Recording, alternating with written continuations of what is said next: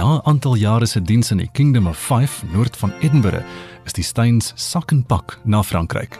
By die Skatskirk se gemeente in Parys bearbei Jan nou sy klein kudde, 'n liefdestaak in die stad van liefde. Na verlede jaar se Notre Dame tragedie en verjaar se koronavirus chaos, is hierdie Kersseisoen aan die oewers van die Seine alles behalwe gewoon. Parys is normaalweg 'n stad wat oorloop van toeriste. En vir die grootste deel van hierdie jaar was hier net geen toeriste nie. So die parke, die tuine, die museums het absoluut leeg geraak van die toeriste. Dit het 'n groot invloed gehad op lewe in Parys. In 'n sekere sin het dit makliker gemaak want daar was baie minder mense, maar die stad het sy toeriste gevoel soort van verloor in die afgelope jaar. Maar vir ons, dis 'n lekker tyd. Dit is winter wat so anders is as Suid-Afrika want Kersfees in die somer is ons nou anders. Braai vleis en swem en strandlewe in vakansietyd terwyl die Europese groot vakansie is natuurlik Julie, Augustus, September. So dis 'n baie kort vakansietyd rondom Kersfees. Dis maar basies maar 'n Kersfeesvakansie. Maar nogtans gebruik die mense daai tyd eintlik maar om saam met familie te wees. Baie Parysenaars verlaat die stad ook dan om by hulle familie in die platteland tyd te gaan deurbring.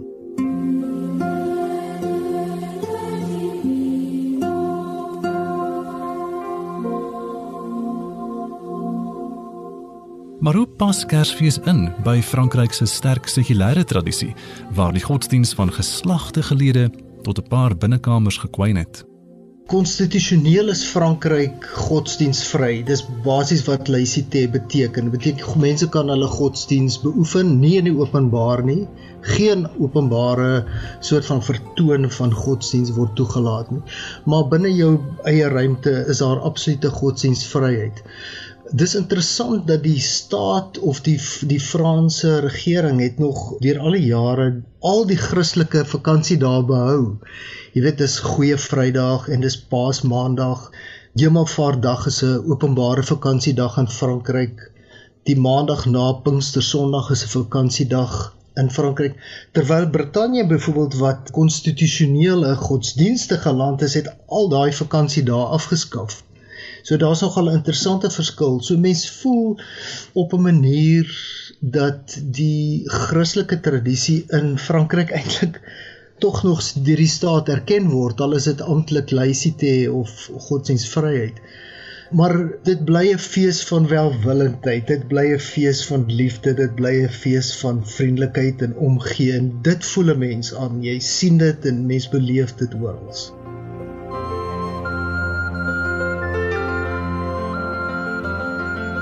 Ook by die Steyn se eie gemeente het COVID-19 vir jaar se Kersfees gekortwiek.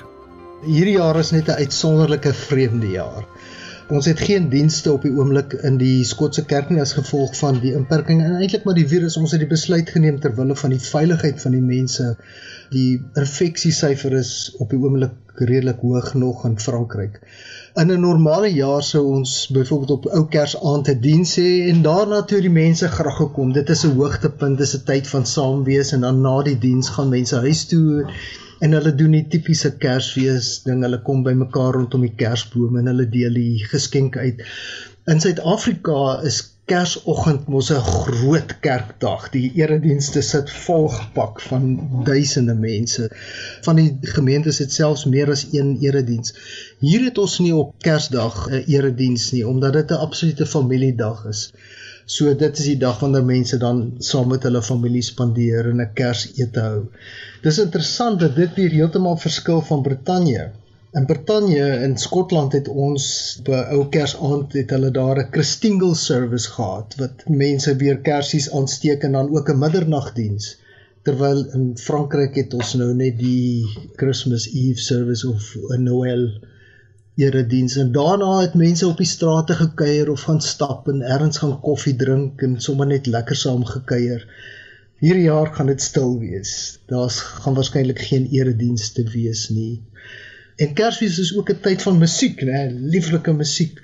Normaalweg is daar musiekkonserte en mense kom na kerke toe en die kerke hou musiekuitvoerings.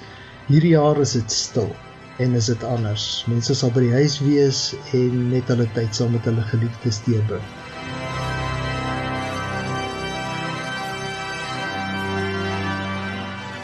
In Parys skakel die Steins by die Breër Geloofsgemeenskap in Ek's 'n boerseun uit die Vrystaat wat toe nou in Parys beland wat hoofsaaklik 'n Katolieke wêreld is.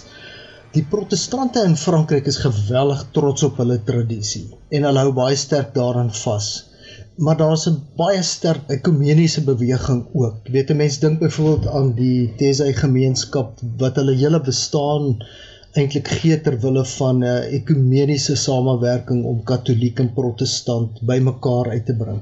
Maar vir ons is 'n land van godsdienstvryheid. Ons werk goed saam met die katolieke. Ons het 'n uh, baie sterk ekumeniese beweging in Parys aan die gang waar katoliek en protestant bymekaar kom daar's 'n vryheid en 'n aanvaarding van mekaar en 'n gemaklikheid oor die Notre Dame. Natuurlik is dit 'n groot hartseer oor wat daar gebeur het en daar is op die oomblik uiteraard geen dienste nie. Maar ek het die voorreg gehad om een van die as ek dit nou op Engels kan sê die Remembrance Day services dienste op die 11de November daar deel te wees van die groot erediens ter herdenking van die beide die twee wêreldoorloë en dit is arm net 'n fenominale plek met pragtige orgelspel. Mense kan natuurlik enige tyd daar instap ook tydens 'n mis en dis interessant daar's altyd men wel nou nie op die oomblik by Notre Dame nie maar in, in die Katolieke kathedraal is omtrent altyd mense iemand besig om te bid of 'n diens wat aan die gang is en dit bied vir jou 'n ruimte om te gaan stil word en 'n oomblik te bid of te mediteer. So daar's 'n groot openheid en 'n aanvaarding vir mekaar wat ek hier beleef in Parys.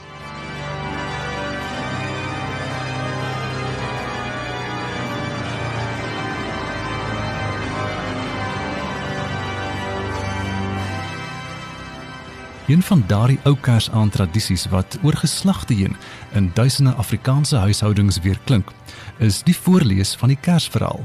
Professor Bernard Kombrink van die Bybelgenootskap verduidelik hoe die verhaal gestalte gekry het in die nuwe direkte vertaling van die Bybel. Ons het eintlik maar die Kersverhaal vertaal soos enige ander gedeelte. Dit begin by die brontaalmense, brontaalkenners en eksegete en as hulle hulle werk gedoen het, dan neem die Afrikaanse mense dit aan, die taalkundiges en die letterkundiges en uiteindelik by die redaksionele komitee gesels ons nou weer daaroor. En dan is dit 'n proses van onderhandeling om seker te maak dat dit wat in die bronteks staan in goeie idiomatiese Afrikaans weergegee word. So ons kyk nie eintlik die heeltyd na die vorige vertalings nie. Dit is meer wanneer ons ergens vassteek in 'n bietjie worstel oor 'n bepaalde vertaalkeuse wat ons moet maak, dan sal ons miskien kyk na die 83 of die 53 of ook ander Engelse vertalings en kyk of daar dalk raad of hulp is op die ou end moet ons in elk geval maar die Grieks en die Afrikaans in hierdie gevalle met mekaar laat praat. Kom bring verduidelik hoe die wêreld gelyk het waarin Josef en Maria hulle tog na Bethlehem aangepak het. Dit was daardie tyd onder Romeinse bestuur of eintlik besetting vanaf 63 voor Christus het die Romeinse generaal Pompeius dus Judea verower maar die interessante is dat Herodes die Grote se pa Antipater hy het vir Julius Caesar wat in die jaar 47 voor Christus in Egipte in 'n veldtog gewikkel was toe daar opstand uitgebreek het van Alexandryne en Egiptenare het Antipater daar vir Julius Caesar eintlik uit die verknorsing gehelp en hom bevry. En dit het meegebring dat daar toe sekere voorregte aan die Jode toegeken is soos byvoorbeeld dat hulle hulle eie godsdienst mag beoefen Dus toe Josef en Maria nou na Bethlehem toe gaan, was dit alreeds onder Romeinse bestuur. In daardie stadium was Herodes die Grote nog die koning oor 'n geweldige groot gebied. En dis miskien ook iets interessant. As ons net nou 'n stukkie lees, dan sal ons sien staan daar Josef het ook gegaan. Hy het van die dorp Nasaret in Galilea na Judea gegaan, na die stad van Dawid. En dan is daar 'n voetnoot. Dit verwys hier na Dawid se tuisdorp met verwysings na 1 Samuel tekste en roep ook die profesie van Micha 5 vers 1 na vore. Maar die belangrike is in die Ou Testament beteken stad van Dawid. Dit is eintlik Dawid se vesting wat later deel van Jerusalem geword het, die Sionsvesting van die Jebusiete wat deur Dawid verower is. Maar goed, Josef gaan na die stad van Dawid, na sy voorgeslag waar hy homself moet laat inskryf Maria moet met hom saamgaan, maar hulle is onder beheer van die Romeine wat maar met 'n harde hand regeer het. Maar die geboorte self daar tussen die diere was taamlik onnoemenswaardig. Bethlehem sou waarskynlik baie vol gewees het en dit was gewoonlik so dat die diere was eintlik maar deel van 'n huis en dan is daar 'n verhoogde gedeelte waar die mense was. So ek dink nie ons moet dink aan 'n stal of aan 'n kraal soos wat ons dit ken nie, maar die herberg was vol volgens Matteus of hier ook en hulle het dus daar oorgebly maar in terme van die groot Romeinse ryk was dit natuurlik eintlik niks snaaks nie. Iemand het eendag die beeld gebruik dat as daar televisie was in daardie tyd dan sou selfs die kruisiging wat vir ons as gelowiges so 'n belangrike daad is sou vir 'n nuusuitsending vanuit Rome skaars eintlik die nuus gehaal het, maar wel as daar 'n bepaalde opstand is teen die Romeine en daar weer met geweld die opstand onderdruk word. So die geboorte van Jesus as sodanig sou glad nie die televisie gehaal het in daardie stadium. Tog klink die beskrywing van die geboorte steeds baie bekend met minimale veranderings. Hier lees Kombrink nou uit die 2020 vertaling.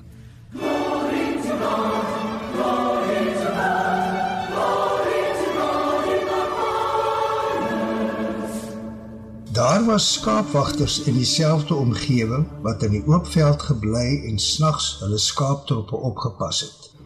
'n Engel van die Here het aan hulle verskyn en die hemelse glans van die Here het rondom hulle geskyn. Hulle het geweldig groot geskrik. Toe sê die engel vir hulle: Moenie bang wees nie. Kyk, ek bring vir julle 'n goeie boodskap wat vir die hele volk 'n bron van groot vreugde sal wees. Vandag is daar vir julle in die stad van Dawid as verlosser gebore Christus die Here. Dit sal vir julle die teken wees.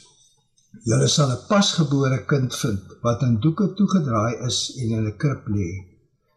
Skielik was daar saam met die engel 'n hemelse menigte wat God loof. Eer aan God in die hoogste en vrede op aarde vir die mense in wie God 'n welbehaag.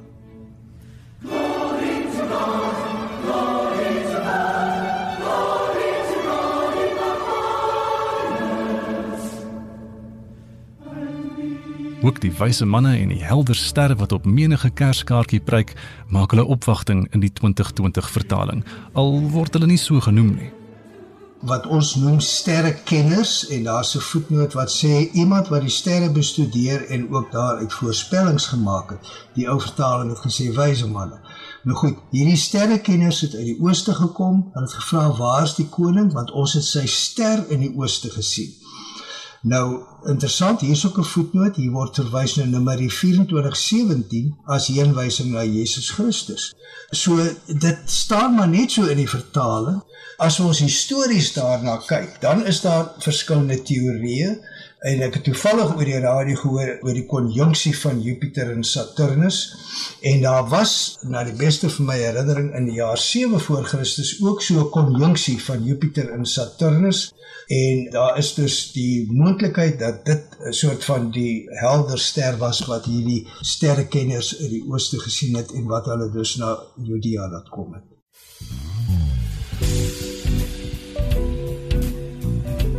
Terug by die Steins in Parys, kan selfs die koronavirus nie die Kersfeesgees heeltemal demp nie.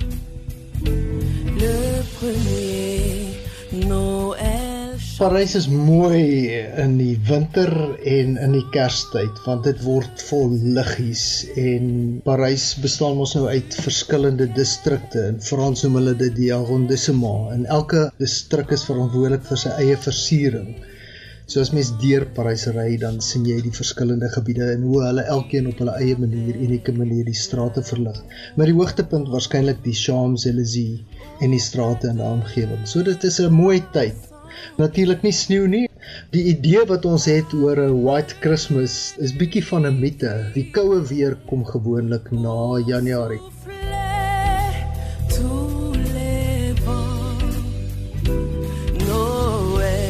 Dit is ook goed om te besef dat soveel van ons Suid-Afrikaanse geskiedenis kom juis van hier af. Jy weet die Franse Hugenote het ter wille van hulle geloof gevlug en Suid-Afrika toe gekom. En op 'n manier is dit daar 'n tipe van 'n tuiskoms vir my ook in Frankryk wees en weet dit is waar van my eie voorsaate vandaan gekom het. Ons het gesels met Jan Stein, predikant by die Skatskerk Parys en professor Bernard Kombrink van die Bybelgenootskap. Die finale meng van hierdie bydra is gedoen deur Danny Boysen by die SAIK in Johannesburg. Ek is Gustaf Vreiling vir SAIK nuus.